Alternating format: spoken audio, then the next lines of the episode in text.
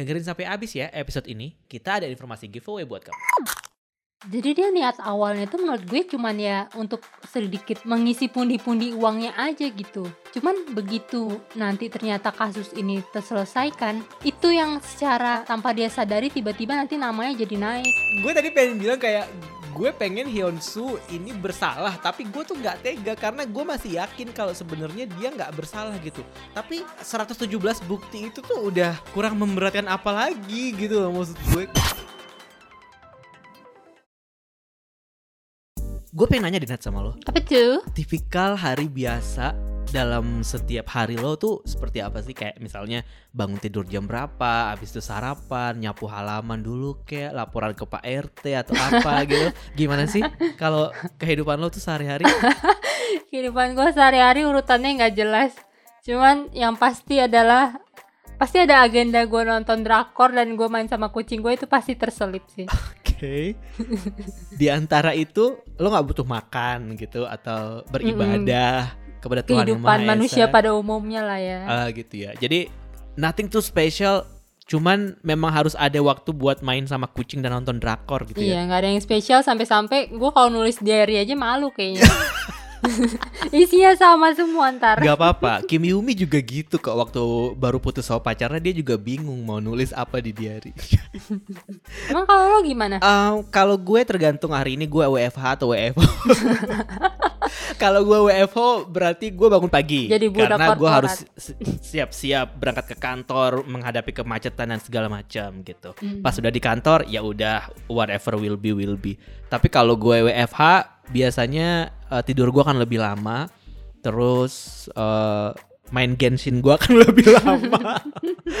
Abis itu ya kerja seperti biasa. Tapi nggak ada jadwal istimewa yang kayak main sama kucing atau apa gitu. Belakangan ini sih lagi main Tinder. Kurang lebih kayak gitu. Tapi Kim Soo Hyun nih, One Ordinary Day-nya tuh agak mengejutkan ya.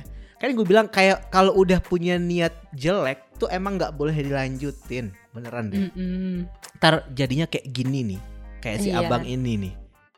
Kalau keluar rumah juga jangan eh, bohongin orang tua ya, nanti nggak berkah perjalanannya. Itulah makanya ah, udah bohongin orang tua, make taksi buat kerja orang tua untuk hal-hal yang tidak direstui orang tua gitu kan. Ujung-ujungnya terlibat dalam sebuah kasus pembunuhan yang wow, gue shock sih. Gue tahu ini adaptasi BBC One, adaptasi drama Inggris yang sudah Hmm. diadaptasi juga versi Amerika gitu. Udah kayak tiga kali adaptasi nih, yang ini yang ketiga gitu. Tapi gue nggak pernah nonton yang sebelum-sebelumnya sih. Iya, Dan sama. ketika nonton ini tuh kayak gue nggak tahu ya, gue cuman bisa bilang ini tipikal drama yang setiap episodenya itu tuh will be getting better and better gitu loh kayak Iya iya iya. wow. Iya benar. Karena pada dasarnya gue bukan pengikut serial luar kali ya. Jadi gue tuh bisa ngerasa kalau ini tuh bukan kayak drama Korea pada umumnya gitu. Gue bis- bisa merasakan feel yang berbeda di drama ini. Dan menurut gue fresh banget sih. Walaupun gue nggak suka ya sama karakter si Hyun Soo di sini. Kenapa? Apa yang membuat lo nggak suka? Bukankah dia cukup kasihan kondisinya? Gue justru nggak tahu gue harus harus berspekulasi seperti apa nih untuk masa depan lo nih Hyunsu gitu. Karena eh, ini tuh macam Gone Girl gitu loh yang kayak kita nggak tahu siapa sih pelakunya gitu Mhm. dan kebingungan Hyunsu bisa gue rasakan sih. Tapi apakah itu tidak cukup Mhm. untuk membuat lo merasa simpati atau gimana? Gue di awal sih simpati banget ya. Mulai dari yang dia ngirup inhaler aja tuh gue udah perih gitu ngeliat dia. Tapi begitu dia mulai ngadi-ngadi nih, Gimana tuh? Ngadi-ngadi yang mana nih? ngadi-ngadi. Ya mulai dari awal, mulai dia ngebohongin ortu buat diem dia mau ke party lah. Terus dia mau makan es krim gak bayar. Yang paling gua kesel ini sih, dia ini kan ceritanya eh mahasiswa teladan gitu ya gak sih? Mhm. Yang kayaknya cukup pinter, yang cukup ya anak-anak baik-baik lah. Terus bisa-bisanya dia tiba-tiba ya ditawarin pil mencurigakan itu terus langsung dilep iya.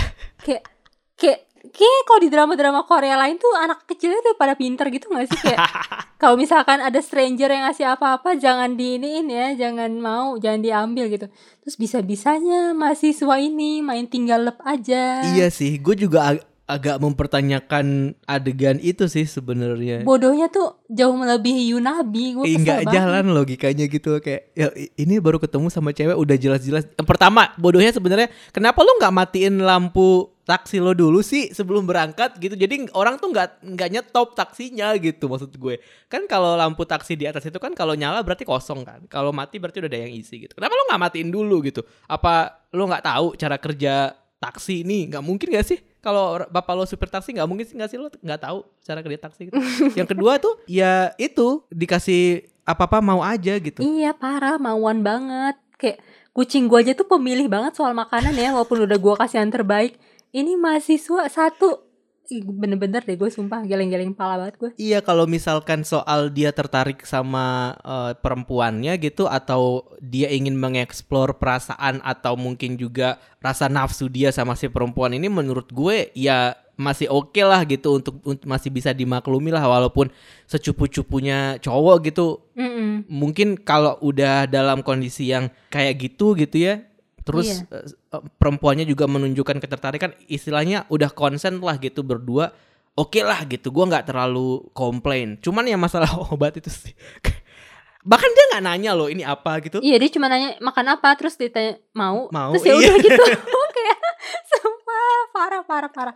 Dan itu dengan keinginan dia sendiri kan Maksud gue pada saat itu dia masih dalam keadaan sadar kan Bukan dalam lagi celeng atau apa gitu. Dia yang benar dengan kesadaran dia sendiri tuh ngambil dan minum eh, obat aneh itu. Gue kayak Eh, maksud lo apa sih? gitu. Tapi pada akhirnya itu kali yang bikin dia jadi merasa sangat-sangat bersalah sampai dia pun jadi nangis senangis itu kali ya. Maksud gue di awal kan kita dikasih tahu kalau si pengacaranya dia nih yang diperankan oleh Cha Seung Won ini ngomong kan sama dia kayak lo nggak boleh terlalu banyak bicara gitu. Pokoknya diem aja kalau ditanya apa diem aja pokoknya gitu. Hmm. Yang pada akhirnya dia pun tidak bisa untuk mengungkapkan emosi dia karena dia disuruh diam gitu. Dan akhirnya dia cuma bisa nangis gitu kan.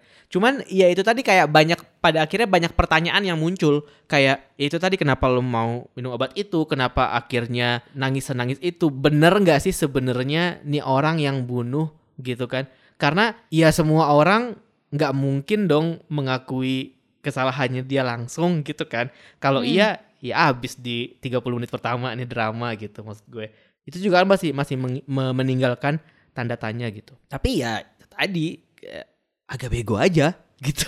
Satu kebodohan diikuti dengan kebodohan lain gitu loh. Mm-mm. Si eh, keputusannya si Hyun Soo di sini Mana bad scenes-nya vulgar banget lagi Gue kaget Gue gak menyangka Tapi pantas nggak sih?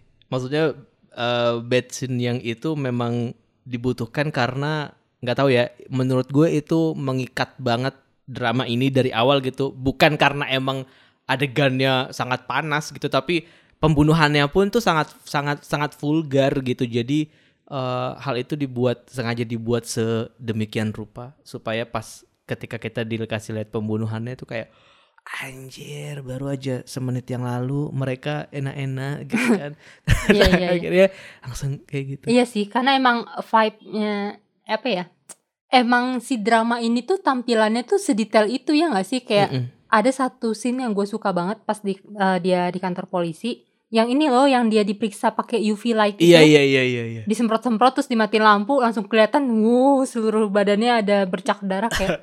Li- Wah, literally sih. seluruh badan Kyushu ya dia Iya. nggak pakai celana segala macam kayak benar-benar di situ dia udah ditelanjangin dan kayak ya udah udah semua bukti bahwa lo adalah pelakunya udah menjurus banget gitu Iya, udah iya, mau nggak bisa betul. ngomong apa-apa lagi ya mungkin ini alasannya kenapa ini juga tayangnya di Kopang Play ini ya. Jadi karena nggak terlalu sensor yang gimana gimana jadi bisa lebih Oh, vulgar iya. banget dan segala macam masalahnya pas adegan seks pun tuh kelihatan cuy ceweknya gitu. Mm-mm, bagi mm-mm. body atas ceweknya itu kelihatan walaupun kameranya nggak close up dan segala macam itu tuh kelihatan banget gitu. Yang pas ceweknya udah jadi mayat pas lagi dicek-cek juga sempat kelihatan kok yang bagian iya atas makanya. Jadi beneran maksud gue mungkin eh, sutradaranya pun gue nggak tahu prosesnya mana yang duluan nih. Apakah dia dapat network duluan atau eh syuting duluan gitu. Karena kan biasanya syuting dulu nanti terserah siapa deh yang mau ambil gitu kan dramanya. Mhm. tapi cukup bersyukur juga sih maksudnya pada akhirnya produknya tuh jadi lebih maksimal gitu. Karena kan kadang-kadang kalau misalkan dibuat harusnya ada adegan seks tapi kemudian eh, editingnya nggak terlalu gimana-gimana juga gitu yang apa yang ditampilin gak sih gitu dan menurut gue Hmm. ini jadi jadi sebuah apa ya visualnya itu jadi lebih eh, maksimal gitu buat penonton juga gitu maksudnya bukan karena cuman hanya ini adegan seks aja Ya, tapi ya. memang nggak tahu sih menurut gue bagus aja sih nggak gue ulang-ulang juga anyway tapi kayak bohong loh kayak bagus aja gitu dimasukin ke situ. Dan bener juga tadi yang lo bilang detailnya itu juga pas mereka minum di meja makan itu pun iya satu persatu. Apa aja yang dia konsumsi itu benar-benar Iya. diliatin semua. dan sebenarnya gue bisa agak nebak-nebak tapi gue nggak mau nebak sih sebenarnya. Gue merasa Apa ini tuh? kayak Gone Girl gitu. Gue merasa si cewek ini memang sudah merencanakan pembunuhannya sendiri gitu kalau menurut gue. Karena kayak dari awal si uh, Hyun Soo nggak sengaja nusuk tangan si cewek itu pakai pisau ya kan? Terus eh, ketika abis itu mereka mau menuju ke tempat tidur tangan yang berdarah itu megang tembok tangga dan segala macem untuk ninggalin jejak menurut gue tuh kayak dia udah nge-planning itu semua gitu. Hmm, bisa jadi dan gue sih. suka detail itu maksudnya kayak entah apakah itu memang disengaja ditunjukkan supaya kita supaya gue berspekulasi atau memang itu ditunjukkan buat ngasih em, clue bahwa ini loh kejadian sebenarnya. Gue ngerasa di episode 1 dan 2 ini tuh sengaja banget gitu ditebarin berbagai clue yang bisa mengarahkan ke mana pun Mm-mm. gitu. Kayak kenapa tiba-tiba kerja kelompoknya pas mat batal terus kenapa tiba-tiba cewek ini bisa harus banget naik ke taksi dia terus yang kenapa ada mas-mas yang gak jelas parkir di depan rumah nih cewek kayak Iya. semuanya tuh semuanya tuh mencurigakan gitu. Bahkan lukisan-lukisan aneh di rumah ceweknya ini pun mencurigakan. Gue juga merasa itu bukan rumah dia sih menurut gue ya sih? Kayak masa gue nggak tahu sih. Masa ada cewek masang lukisan bokong cewek di rumahnya juga gitu? Ya ada aja mungkin. Orang kaya kan kita nggak tahu karena gue nggak pernah jadi orang kaya. Ya kita kan nggak tahu gimana kebiasaan orang-orang kaya. Iya, gue ke distract itu sama lukisan di rumahnya. Kayak yang di meja makan tadi ada bokong cewek, terus yang iya. di tangga ada cewek lagi ngangkat. iya. Terus yang di kamar apa cewek serem yang mulutnya kesayat itu kayak ini cewek oh sakit banget nih kayaknya. Iya. Dan mas-mas yang di depan rumah itu yang waktu taksinya nabrak itu juga mau nggak mau membuat lo curiga gak sih? Mm-mm, dia emang mencurigakan banget. Iya kan kayak kenapa dia tiba-tiba ada di situ gitu maksudnya dari mobil sama bajunya dia aja udah nggak sesuai gitu maksudnya kalau emang dia sopir mobil mewah itu harusnya kayaknya bajunya lebih resmi atau gimana deh kalau melihat kompleks perumahan itu Hmm. gitu ya terus eh, dengan dia yang kayak selengean petang petenteng kayak gitu seolah-olah ada orang yang sengaja menempatkan dia di situ gitu dan membuat kita sebagai penonton kayak kayaknya ini deh yang eh, terlibat. Walaupun pada akhirnya pas udah masuk episode 2 eh, kayaknya enggak deh. Gitu juga sih jadinya kayak nggak- nggak ada seseorang yang bisa langsung dicap sebagai oh ini pelakunya ini pelakunya gitu. Nggak tahu ya editingnya tuh nggak dibuat kayak gitu gitu. Tapi Iya iya iya. shot-shot yang mereka tampilkan memberi kesan bahwa kejadian ini adalah pelakunya ya memang Hyunsu gitu kalau menurut gue. Hmm. Kalau nggak Hyunsu ya cuma si cewek ini gitu. Karena ada Iya. dialog dalam drama ini yang yang bilang kayak nggak ada yang benar-benar ngelihat kejadiannya gitu. Jadi Hmm. eh, bahkan si polisi yang mau me- memperkarakan ini pun juga dia punya keraguan-keraguan tersendiri kan sebenarnya dan Iya. itu pen- menurut gue cukup unik juga sih Eh, apa namanya keraguan itu muncul di seorang polisi yang menurut si Cha Seung Won adalah orang yang kayak oh dia nggak bakalan ngasih ampun gitu Mm-mm. Ya walaupun gue sebel banget ya sama yang pas adegan ini loh. Dia mau ke pertama kali ke persidangan, terus sengaja banget tuh dikasih baju baju Gucci yang ada harimaunya itu kayak lo mau apa sih namanya? Merusak citra dia sebagai anak baik-baik yang polos banget gitu. Gue pas liat adegan itu pikiran gue cuma satu kayak anjir ini produk placement gak sih? Gue bilang gitu kan. Terus gue cek kan Instagram Kim Soo Hyun. Maksud gue siapa Hmm. tahu memang dia eh, brand ambassador Gucci gitu. Tapi nggak ada di Instagram dia tuh nggak ada Gucci. Yang ada si eh, Tommy Hilfiger oh, apalah gue nggak bisa bacanya itu gitu. Loh dia bukan Gucci terus ini bukan produk placement dong. Maksud gue kayak motivasinya apa tuh ngasih baju Gucci gitu? Untuk ini untuk membuat Hyunsu jadi kayak cowok selengean gitu kayaknya. Soalnya kan yang pas yang siapa sih pengacaranya itu? Yang pas dia lagi ngebela klien yang penipu, dia kan ini banget kan kayak kamu pakai dasi nih gitu. Ah, Harus tampil rapi gitu, harus harus terkesan apa sih proper gitu. Ini malah si Hyunsu masa sih nggak ada baju atau kaos yang biasa gitu harus banget dibikin jadi kesannya tuh dia jadi kayak apa ya anak gaul yang dekat dengan kehidupan yang semacam itu gitu. Tapi beda generasinya berasa banget ya. Kayak menurut Pak Polisi ini baju Gucci itu jadi anak sayangan. Padahal sebenarnya kayak enggak kok. Kayak EXO juga pakai Gucci kok. Eh, ini kesannya bahwa dia kan mau ke pengadilan. Pengadilan kan biasanya harus pakai baju rapi gitu. Hmm, iya sih. Bener bener bener bener bener. Kalau menurut lo apa yang membuat polisi ini jadi ragu sama kasus ini? Jadi ragu bahwa sebenarnya memang si Hyun Soo yang jadi pelakunya. Sebagai penonton itu cukup mengganggu gue juga sih. E, maksudnya kalau memang dia adalah seorang polisi yang diceritakan tegas gitu ya maksudnya kan e, kesannya kayak wah dia manipulatif deh pokoknya dia dia akan berusaha untuk memenangkan kasus ini gitu tapi tiba-tiba dia muncul keraguan gitu ketika dia ngomong sama jaksa dia bilang kayak masalahnya cuma satu si Hyun Soo ini cuman mahasiswa biasa dan nggak punya catatan kriminal gitu. Apakah itu memang benar seperti itu atau itu cuman sekedar ala- alasan aja menurut lo Menurut gue dia sebagai polisi senior tuh sebenarnya punya insting gitu loh kayak Hmm. kayak nih orang bukan pelakunya deh gitu. Cuman di Hmm. sisi lain kita diliatin kan yang waktu dia ketemu sama si kepala polisi lainnya yang bahwa kan dia kayak dijanjiin gitu kan. Udah lo ntar eh, begitu kelar pensiun jadi ini gitu mau dikasih jabatan. Pokoknya yang ini sebagai kasus terakhir clear lah gitu dijadiin penutup yang manis gitu. Jadi dia kayak antara punya kepentingan tapi di sebenarnya naluri dia tuh bilang kayaknya bukan anak ini gitu. iya iya Jadi dia kayak setengah jahat, setengah ingin menjatuhkan si Hyun Soo, setengah lagi kayak masih penasaran masa sih Iya, dia? kalau menurut gue mungkin enggak yang dalam posisi dia jahat sih mungkin ya sebenarnya. Mungkin kata yang paling tepat itu lebih ke kayak dia memang eh, butuh pembuktian gitu. Gue melihat orang ini bukan sebagai polisi yang cuman pengen oke ada kasus pembunuhan, oh tersangkanya ini ya udah penjarain aja gitu.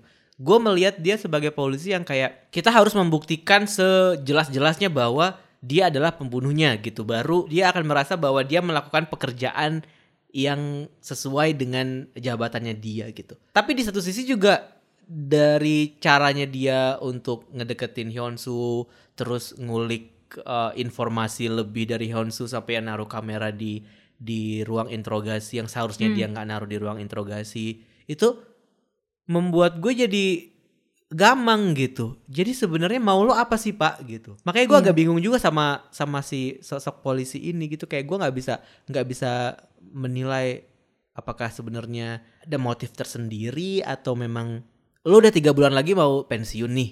Kayak orang ibarat orang tiga bulan lagi mau resign, males nggak sih lo kayak terlalu bekerja berlebihan gitu. Kayak ya udah nggak sih gitu.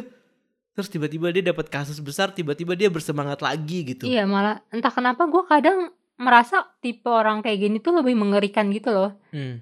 Kayak yang si pengacaranya bilang kayak dia tuh tipe predator yang smart gitu loh yang mengintai diam-diam tapi begitu mangsanya lengah dikit tuh langsung dihop gitu. Iya iya iya iya. Dan itu itu kelihatan sih. Iya dan dia tuh sebenarnya diem-diem kayak gitu yang kelihatannya maksudnya ya berwibawa baik gitu. Cuman kayaknya gue bisa melihat sisi ambisius dan manipulatifnya dia gitu. Hmm. Dan yang sebenarnya gue masih agak penasaran apa maksud dari dia eh, ngambil diem-diem obat asmanya Hyunsu terus ngasih ke Hyunsu. Iya iya iya. Terus shotnya juga seolah-olah dia menyelipkan sesuatu gitu di situ. Heeh, kayak ada rencana gitu maksud gue bukannya semua barang yang ada di TKP itu akan menjadi barang bukti ya kalaupun dia emang bermaksud untuk ngobatin asmanya si Hyunsu kenapa nggak dia beliin baru aja inhaler di Hmm, apotik hmm, hmm, hmm. kenapa harus ngambil dari TKP itu itu masih jadi pertanyaan sih menurut Iya gue sama. Gue juga. Eh, dia punya plot sendiri untuk membuktikan teori dia gitu dengan Hmm, hmm, dengan cara memanfaatkan si eh, alat kelemahannya si Hyunsu Ah, ah, betul betul betul. Sama yang gue bingung lagi, gue nggak tahu ini apakah gue bingung atau gue nggak detail nontonnya. Kenapa ada pisau di dalam jaket? oh itu yang pas si Hyunsu tiba-tiba bangun pas dia ngelihat ke kamar si cewek itu udah tragis gitu ketusuk berdarah-darah gitu dia langsung kabur keluar dan nggak tahu mungkin dia keingetan sebelum eh, ke ranjang itu mereka main tusuk-tusukan pisau dan dia langsung inget oh iya mungkin ini bisa jadi pemberat gue karena ada apa sidik jari segala macam. Dia langsung buru-buru kayak ngelap-ngelap gitu kan Eh, mulut botolnya dilap segala macam. Cuma mungkin karena emang dia ya pikirannya lagi belum lurus aja masih pengaruh obat jadi kayak setengah-setengah gitu loh kayak antara takut kaget jadi dia langsung seadanya aja gitu ngelap-ngelap TKP terus langsung kabur bahkan dia ketinggalan kan jaketnya di dalam rumah itu Ya dia masuk lagi kan terus ngerusak Mm-mm. pintu kan. Ya itu juga sih sebenarnya yang jadi gue jadi pertanyaan kayak coba lo misalkan di posisi dia katakanlah ya bayangkan tiba-tiba tiba-tiba lu pas bangun pasangan one night stand lo tiba-tiba udah berdarah-darah dengan banyak tusukan itu apa yang lo lakukan pertama kali Inna lillahi wa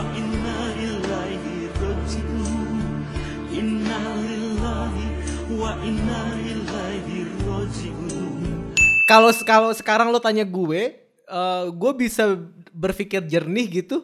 Ya gue akan telepon polisi. Hmm. Kalau ketika ketika itu bener di depan mata gue, teriak kali gue. Mungkin lo, gue akan telepon lo. Kayak Nat gimana Nat gitu. Karena eh, orang yang terat paling atas pasti di WhatsApp gue tuh pasti lo gitu. Kayak nggak mungkin ada orang lain karena kita selalu kontak setiap hari gitu. Pasti lo yang akan pertama gue hubungi. Jadi lo yang akan yang akan gue bebani dengan kepanikan. Sementara gue ya udah mojok aja gitu sampai sampai besok pagi juga gue mojok aja. Tapi kalau melihat dari kasus-kasus pembunuhan yang sebelumnya sudah terjadi di dunia nyata, gue lupa ini kasusnya yang mana. Tapi ada waktu itu yang dia dibunuh di apartemen, terus dia diporotin ATM pin ATM-nya diambil dan segala macam. Yang akhirnya dia dimutilasi, terus eh, alat mutilasinya ditemukan di Depok, sementara badannya ditemukan di mana gitu. Kalau misalkan orangnya udah panik sepanik itu atau sudah merencanakan mungkin eh, apa namanya bukan merencanakan ya lebih ke kayak kalau dia pernah berpikir bahwa kejadian ini mungkin akan terjadi sama dia gitu bisa jadi sih kayak oke gue akan menyembunyikan barang bukti gue akan menganggap kejadian ini nggak ada gitu ya gue nggak mungkin akan berani mutilasi dia dan kemudian lempar dia ke sungai Ciliwung juga nggak mungkin juga gitu nggak berani juga gue. Kayak terlalu banyak pekerjaan gak sih yang harus dilakukan? Maksud gue kalau emang gue nggak tahu sih kalau emang gue nggak bersalah dan sidik jari gue tidak ada di mana-mana ya kan tergantung apa yang terjadi di malam sebelumnya juga sih Nat. Ya nggak sih? Kalau kalau di malam sebelumnya sudah sidik jari gue udah di mana-mana kayak ya udahlah gue pasrah aja lah kayak nggak ada tenaga dan gak ada daya upaya Ya itu sih sebenarnya membuat gue jadi hmm, apa ya sedikit ikut curiga gitu sama si Hyunsu ini kayak Mhm, mhm. gue kecewa gitu sebenarnya waktu dia memilih untuk kabur. Iya sih pasti dia kaget sih. Iya, Cuman kayak iya. eh gue nggak tahu ya kalau misalkan lo benar-benar innocent, apakah mungkin kalau misalkan lo benar-benar innocent nih ya, apakah emang langsung eh apa sih yang ada di top of mind lo tuh kabur gitu aja tuh langsung kepikiran untuk ngamanin barang bukti dibandingkan kayak ngecek nih orang benar-benar udah meninggal dan masih bisa diselamatkan atau gimana gitu? Kayak dia eh gak tau deh dia sempat ngecek gak sih kalau cewek ini benar-benar udah meninggal atau masih hidup? Kayaknya sempat gitu tapi atau dia udah melihat kayak udah terlalu tragis nih nggak mungkin iya lah iya masih iya. hidup gitu. Dia sempat ngeliat kayak jeng jeng terus tiba-tiba udah tusuk-tusuk gitu kayak nggak mungkin gak sih dia masih hidup makanya dia panik Iya maksudnya eh kalau dia benar-benar polos menurut gue harusnya dia kayak kabur aja gitu. Ini sempat-sempatnya kayak kepikiran apakah alam bawah sadar dia mengingat bahwa dia sempat tusuk-tusukan itu gitu di sana atau gimana gue Mungkin. ngerti deh. Tapi mungkin karena memang dia polos kali, jadi dia nggak tahu harus apa yang harus dia lakukan pertama kali itu terlihat dari dia panik pas dia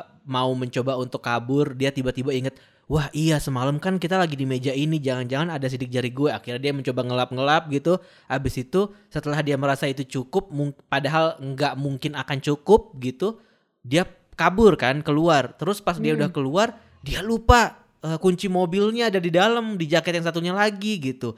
Menurut gue itu udah sebuah eh, gambaran kepolosan itu sih bahwa dia Hmm. bener-bener clueless dan dia nggak pernah sama sekali membayangkan bahwa one ordinary day dia itu akan berakhir seperti ini gitu. Karena kalau memang dia istilahnya aware dengan kejadian itu atau sebutlah mungkin dia lulusan kepolisian, akademi polisi gitu kan, pasti tindakannya nggak akan seceroboh itu gitu. Justru karena dia digambarkan sebagai anak yang polos dengan criminal record yang bersih, makanya dia ceroboh gitu kalau menurut Tapi gue. gue tuh jadi overthinking lagi gara-gara pas yang scene mereka main pisau itu loh. Pas pas apa si Hyunsu nancepin pisau Terus kan karena ceweknya nggak bereaksi apa-apa dia kira dia berhasil kan. Ternyata itu udah nancep kan di tangan ceweknya. Terus ceweknya bukannya kesakitan atau apa, malah jadi kayak terangsang gitu. Terus gue kayak mikir jangan-jangan nih cewek kelainan apa sih tuh namanya? Yang justru malah terangsang kalau disakitin. Iya iya iya iya iya. Bisa iya. jadi nggak sih kayak Iya emang dia nggak sebenarnya nggak berniat untuk membunuh, cuman karena kayak masih dalam pengaruh obat, terus kayak ceweknya eh, nggak puas nih dengan hubungan biasa, terus dia kayak nyuruh ambil pisau itu, terus yang kayak mereka main lagi tapi di kasur, terus kayak Hyunsu yang cep cep cep gitu, terus kayak ceweknya malah nggak ngerasa sakit apa apa, dia kira ya fine fine aja, cuman tau taunya ceweknya udah mati kehabisan darah aja. Iya juga bisa jadi sih. Yang bikin penasaran kemudian adalah bagaimana cara orang-orang ini membuktikannya gitu. Dan dan bagaimana cerita ini akan dibawa sampai akhirnya keputusan pengadilan apakah si Hyunsu emang bersalah atau sebenarnya enggak. Iya kan? Hmm. Eh, gue nggak tahu deh, gue sih sempet eh, baca katanya emang cerita ini tuh nggak fokus ke nyari pelaku, tapi lebih ke ya udah perjalanannya si Hyunsu ini aja kayak benar detail banget kan gimana dari awalnya dia masuk ke apa sih TKP terus terjadi hal seperti itu dia ditangkapnya kayak gimana dia diperiksanya gimana Iya iya. dia dibawa masuk ke ruang sidang. Itu benar-benar step by step semua mulai dari proses penangkapan sampai akhir kayaknya kita bakal diliatin gitu loh. Dan bukannya nggak mungkin kalau sampai ending pun kita nggak tahu sebenarnya beneran dia apa bukan. Yang penting ya udah di proses kehidupan si Hyunsu berubah dari mahasiswa biasa dan menjadi tersangka dan terpidana Gue tadi sempat baca-baca juga di Wikipedia serial aslinya dan persis kayak yang lo bilang itu sih. Memang serial ini tuh dibuat untuk menampilkan proses Hukumnya proses ya. hukumnya itu gitu. Hmm. Iya benar. Kalau misalkan ini bukan eh, remake dari serial luar, gue malah jadi kepikiran kayak Mouse gitu kayak. Iya iya. ya iya. udah sebenarnya dia aja pelakunya. Betul betul betul betul. Sebenarnya dia psycho yang pura-pura jadi anak baik aja. iya. Walaupun misalkan gua nggak tahu sih ya, maksudnya eh, kalau kalau kalau yang kita bahas barusan ini yang soal ya ini tuh pengen menampilkan em, apa proses hukum dan segala macam, gue menilai itu sebagai sesuatu yang cukup membosankan sih sebenarnya kalau dilihat dalam tulisan gitu ya. On paper tuh cukup cukup membosankan gitu. Tapi ketika gue nonton dua episode pertama ini tuh nggak tahu kenapa cara mereka ngemasnya itu tuh Menarik, menarik banget. banget, iya bener menarik banget buat gue dan warnanya gue suka terus musiknya gue suka cara mereka menampilkan setiap adegannya itu gue suka gitu kalau soal acting ya udahlah nggak usah ditanya gitu Kim So Hyun sama Cha Seung Won gitu yang main walaupun tetap aja sih agak ganggu yang Won kenapa sih dia harus punya penyakit kaki kenapa sih kenapa sih kakinya harus selalu di shot dari dari sudut pandang kaki gitu tuh kayak gue gue sambil makan nonton ini tuh kayak aduh berasa kaki di mulut gue gitu. Eh, tapi siapa tahu kakinya menyimpan rahasia. rahasia Kayak, kenapa penting banget gitu? iya kayaknya sih kayaknya itu ada ada ada sesuatu yang menyangkut kasus yang sebelumnya gue juga nggak tahu tapi maksud gue eh semembosankan itu kalau kalau kita baca eh, sinopsis sinopsisnya di Wikipedia Hmm. atau di eh, internet gitu tapi ketika lo nonton tuh ada pengalaman yang berbeda gitu kayak, kayak Iya, tadi gue bilang di depan gue bisa menilai dari episode 1 aja bahwa drama ini tuh akan semakin baik dan semakin baik di episode-episode selanjutnya gitu Hmm. dan mereka juga memproduksinya cuma 8 episode anyway gitu kan jadi kayak Gak banyak hal-hal yang gak penting lah. Iya, jadi mereka berusaha untuk mempertahankan eh, tense-nya itu tuh benar-benar padat di 8 episode itu gitu. Menurut gue menjanjikan lah ya. Iya. Gue entah kenapa sekilas teringat DP karena menurut gue DP juga gitu kayak ya awalnya mungkin terkesan agak lambat cuman begitu makin akhir tuh makin bikin deg-degan dan ada plot twist yang jenjeng gitu. Iya iya iya. Ini juga ketika nonton episode 2 memang memang eh, pace-nya lebih lebih agak slow daripada episode 1 sih, tapi ngegantungnya itu tuh pinter gitu. Iya. Kayak ah, oh habis ini di penjara terus habis itu apa nih gitu kan. Kayak Apalagi Ah, Iya apalagi penderitaannya gitu harus harus, dialami. diapain lagi cerita ini kalau dia udah masuk kalau dia udah ditahan di penjara ya terus apalagi dong gitu kan Hmm. gue nggak bisa bilang jadi salah satu alternatif tontonan gue di saat gue senggang tapi ternyata ada juga em, sesuatu yang bisa yang membuat serial crime ini tuh berbeda gitu di, dibandingkan Hmm. dengan yang udah kita bahas sebelumnya kayak Mouse misalnya kayak be- ya ini cukup berbeda. Dan kalau tadi lo bilang lo inget DP kalau gue justru inget satu series Apple TV Plus judulnya Defending Jacob.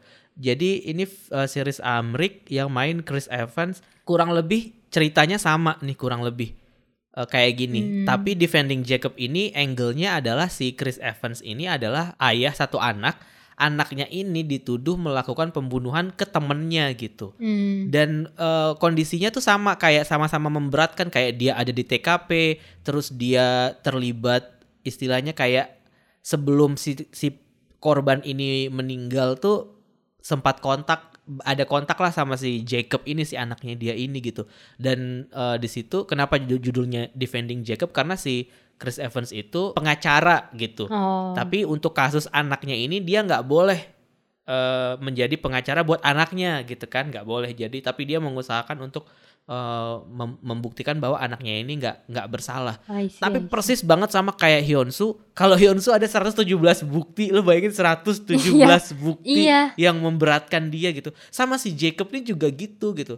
Cuman bedanya mungkin kalau Jacob ini karena dia masih remaja ya, jadi eh, kepolosan dan kebodohan-kebodohan dia itu bikin lo mikir kayak harusnya tuh lo nggak nggak kayak gitu gitu. Cuman kalau kalau Hyunsu mungkin oh udah udah kuliah gitu ya, udah udah 20 something gitu, mungkin lebih dewasa sedikit lah dibandingkan dengan Jacob yang baru 16 gitu. Hmm. No kayak Jacob ini eh, dia udah udah jadi udah jadi tersangka gitu ya. Dia masih bikin sosmed akun anon gitu di sosmed yang kayak update-update di IG yang kayak gitu-gitu. Yang mana justru itu pada akhirnya memberatkan semakin memberatkan dia di pengadilan gitu. Dan itu yang bikin eh, pengacaranya dan orang tuanya jadi kayak stres banget. Kayak bisa gak sih lo nggak melakukan ini gitu. kayak gitu jadi jadi gemes sendiri sama sama si Jacob ini gitu. Dan kita sampai ep- itu kan cuman sedikit ya episodenya kayak 10 atau di bawah 10 gitu. Kita nggak tahu siapa sih pelakunya.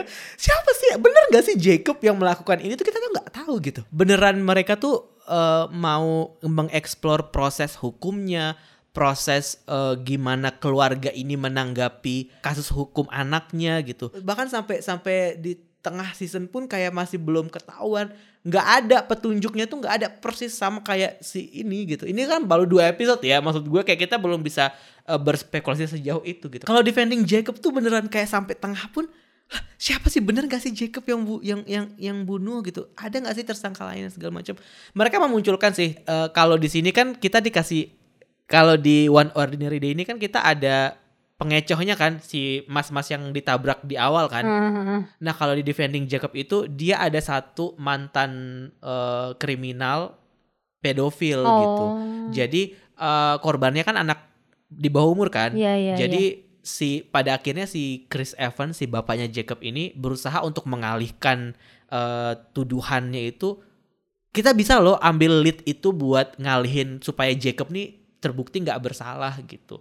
Tapi itu pun juga kayak lama gitu prosesnya untuk dia bisa eh, memunculkan kasus yang berbeda supaya orang-orang yakin bahwa bukan Jacob yang bersalah gitu. Gue sudah bisa membayangkan kalau si One Ordinary Day ini akan dibawa ke situ sih sebenarnya. Kayak akan se depressing itu gitu. Iya iya. Apalagi kita ngeliat si Kim Suyeon kalau udah nangis kan. Sekalinya dia nangis tuh kayak iya kayak pengen cup cup cup udah udah jangan nangis Iya. lagi. ini permen permen permen es krim. Mana Iya. es krimnya jatuh lagi di awal. Iya parah banget. Kasihan banget. Sih, makanya kayak castingnya menurut gue ini the best banget sih. Kalaupun kita kalaupun kita tidak menemukan kepuasan dari segi cerita gitu ya, gue rasa kita bisa puas dengan melihat actingnya Kim Soo Hyun sama Cha Seung Won sih menurut gue dalam perjalanan cerita dalam perjalanan Iya, drama ini. Dan sebenarnya balik lagi itu ya sih yang bikin gue penasaran kayak gue menantikan gimana nih cara si pengacara ini berusaha nih membersihkan namanya si Yonsu di saat dia udah punya 171 bukti mengarah ke dia gitu. Gimana Iya, iya, caranya pen- pengacara ini? Di mana celahnya dia bisa membalikan keadaan Iya. gitu. Padahal kalau secara kalau dilihat dari secara kehidupan dia bukan pengacara yang bergengsi juga gitu. Dia berusaha banget untuk dapat klien justru kan dengan cara Mm-mm, dia masang iklan di bis, terus dia ngasih kartu nama ke semua orang yang ada di bis gitu kan. Kayak dia bukan sosok pengacara yang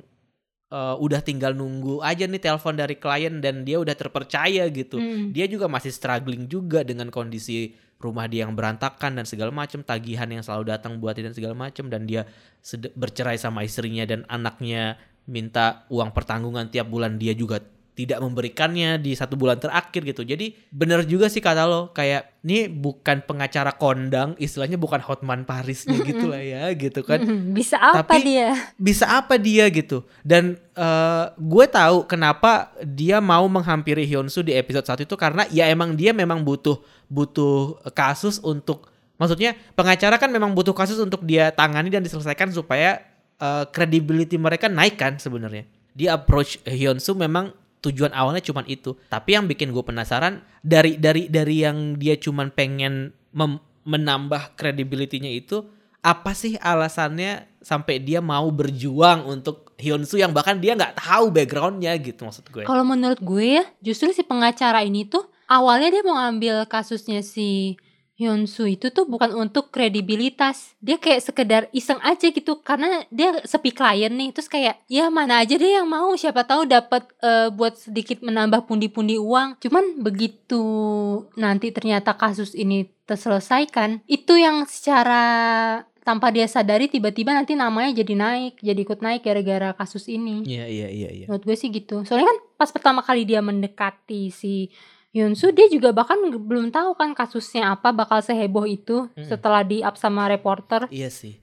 Tadi Gitu. mungkin juga gue harus bilang correct me if I'm wrong soal pengacara dengan dan kredibilitas dan eh, sepak terjang. Siapa tahu nggak kayak gitu sebenarnya cara kerjanya cuman dari sudut pandang awam aja gitu. Kalau misalkan Hmm. ada yang pengacara dengar kayak gitu kan enggak ya sotoy lo ya.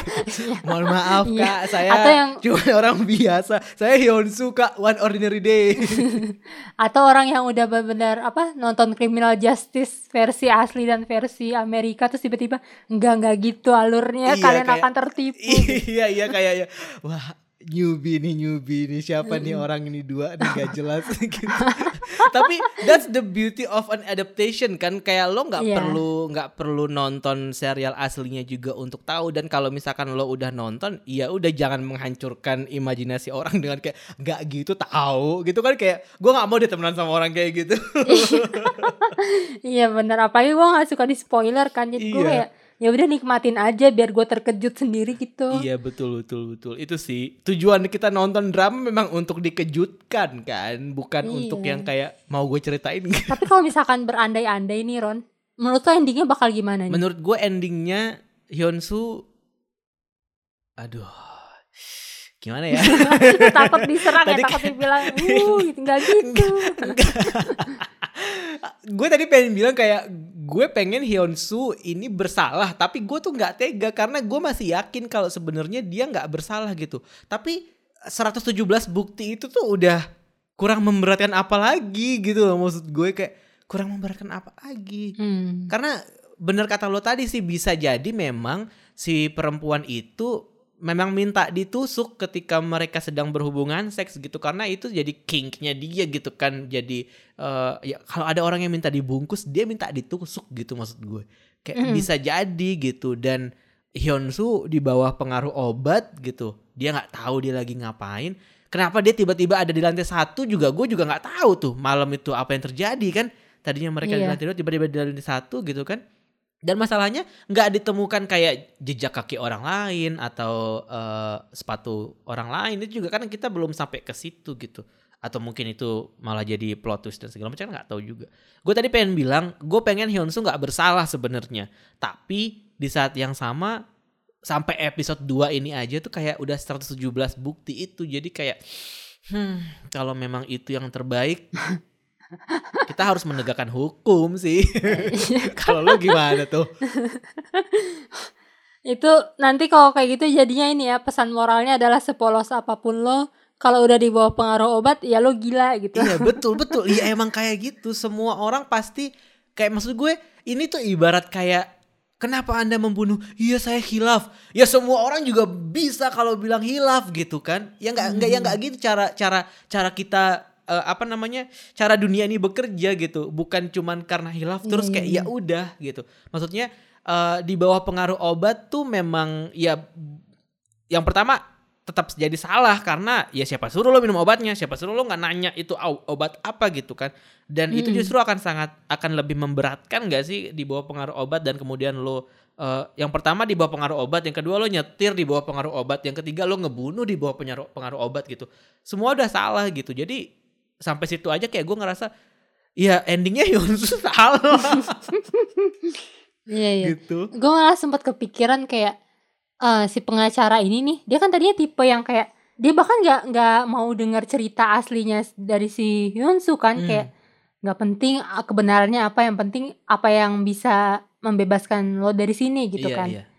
Terus gue kayak berpikir apakah mungkin nanti tiba-tiba dia jadi muncul interest kayak mencari tahu sebenarnya apa yang terjadi dan dia malah menemukan bahwa Hyunsu ini beneran pelakunya ternyata. Cuman karena dia juga punya kepentingan nih di kasus ini kayak dia juga butuh naikin karir dia Mhm. ngebiayain anaknya sekolah. Terus kayak ya udah deh kita sama-sama kerja sama aja gitu biar win-win solution lo bisa bebas gue juga bisa naik Iya, namanya. Jadi kayak toh selama ini eh, apa klien-klien dia yang sebelumnya kita diliatin dia tuh terbiasa membela dan tanda kutip penjahat juga kan kayak Mm-mm. asal siapa yang bayar dia aja gitu Iya iya iya. Tapi dia pengacara loh bukan detektif. Jadi dia butuh sosok detektif lain untuk membuktikan itu gitu. Dan sementara lawan dia adalah kepala polisi, kepala detektif. iya kepala detektif yang gak bisa diremehkan juga nih Iya, orangnya makanya. Dan gue juga ini nih apa mm, tertarik sama si karakter Jaksanya. si jaksa Hmm. jaksa cewek itu kayak pas dia ketawa itu loh kayak wah nih orang bukan orang biasa nih dia punya kepentingan sendiri juga kan. iya iya orangnya Soalnya- mencurigakan juga Iya mencurigakan juga soalnya waktu pas diwawancara sama wartawan juga dia yang paling ngomong kan, yang paling ngartis gitu, yang kayak seleb banget nih kayaknya dia selebgram sih kata gue. Jaksa-jaksa seleb gitu kayaknya. Cuman hakimnya doang yang gue suka Iya kayak hakimnya baik berwibawa banget dan ya. Iya. Heeh, ramah banget Kamu tahu kan ini permasalahannya serius dan dia sudah punya 117 bukti. Kamu yakin gitu maksud gue kayak eh gue gak tahu sih apakah apakah semua hakim prosesnya seperti itu tapi gue tidak pernah melihat hakim seperti itu di drama Korea sih. Iya dan Kayak dan di drama ini yang dari awal bahkan supir truk yang di pom bensin itu aja mencurigakan Iya. tiba-tiba bu jaksanya se apa ya sehangat itu gitu gue kayak "Hah, ini dia nggak salah masuk drama kan Iya. Bener, bener, bener, bener. Tapi bisa jadi sih kalau gue pikir kalaupun misalnya Hyunsu nggak salah bisa jadi memang kayak tadi yang pernah gue bilang di awal si cewek ini emang gone girl gitu sih kata gue. Emang dia sudah merencanakan semuanya sendiri. iya terus gue juga soalnya mikir apa ya kalau misalkan dibuat terlalu pelik bahwa ternyata ada konspirasi pelakunya adalah ini ini yang bekerja sama dengan ini ini ini kayak 8 episode tuh kayak nggak cukup iya, gitu kayak nggak cukup bener-bener. Mm-mm. Dan alangkah akan lebih mind blowingnya dengan 8 episode tuh lo bisa membuat sebuah kasus dan menyelesaikannya itu dari karakter-karakter yang cuman muncul dari dua episode pertama ini doang gitu loh. Jadi kayak Mm-mm. wah kan anak unexpected banget kan jadinya ketimbang kayak Mm-mm. misalkan nanti di episode 3 oh ada muncul karakter baru lagi terus ada muncul ini lagi gitu kan jadinya kayak wah makin bingung nih kita iya gue sih bener kayak em, berpikir kalau misalkan mereka bisa menyelesaikan drama ini dengan 8 episode dan ternyata plot twistnya ada di orang-orang yang kita lihat di episode 1 gitu kayak wow banget sih. iya Oke. Kopang Play aku akan subscribe abis ini. emang Tapi- udah ada One Ordinary Day tayangnya di View ngomong Iya. bukan di Kopang Play. Udah ada view lo jauh-jauh ke Kopang Play.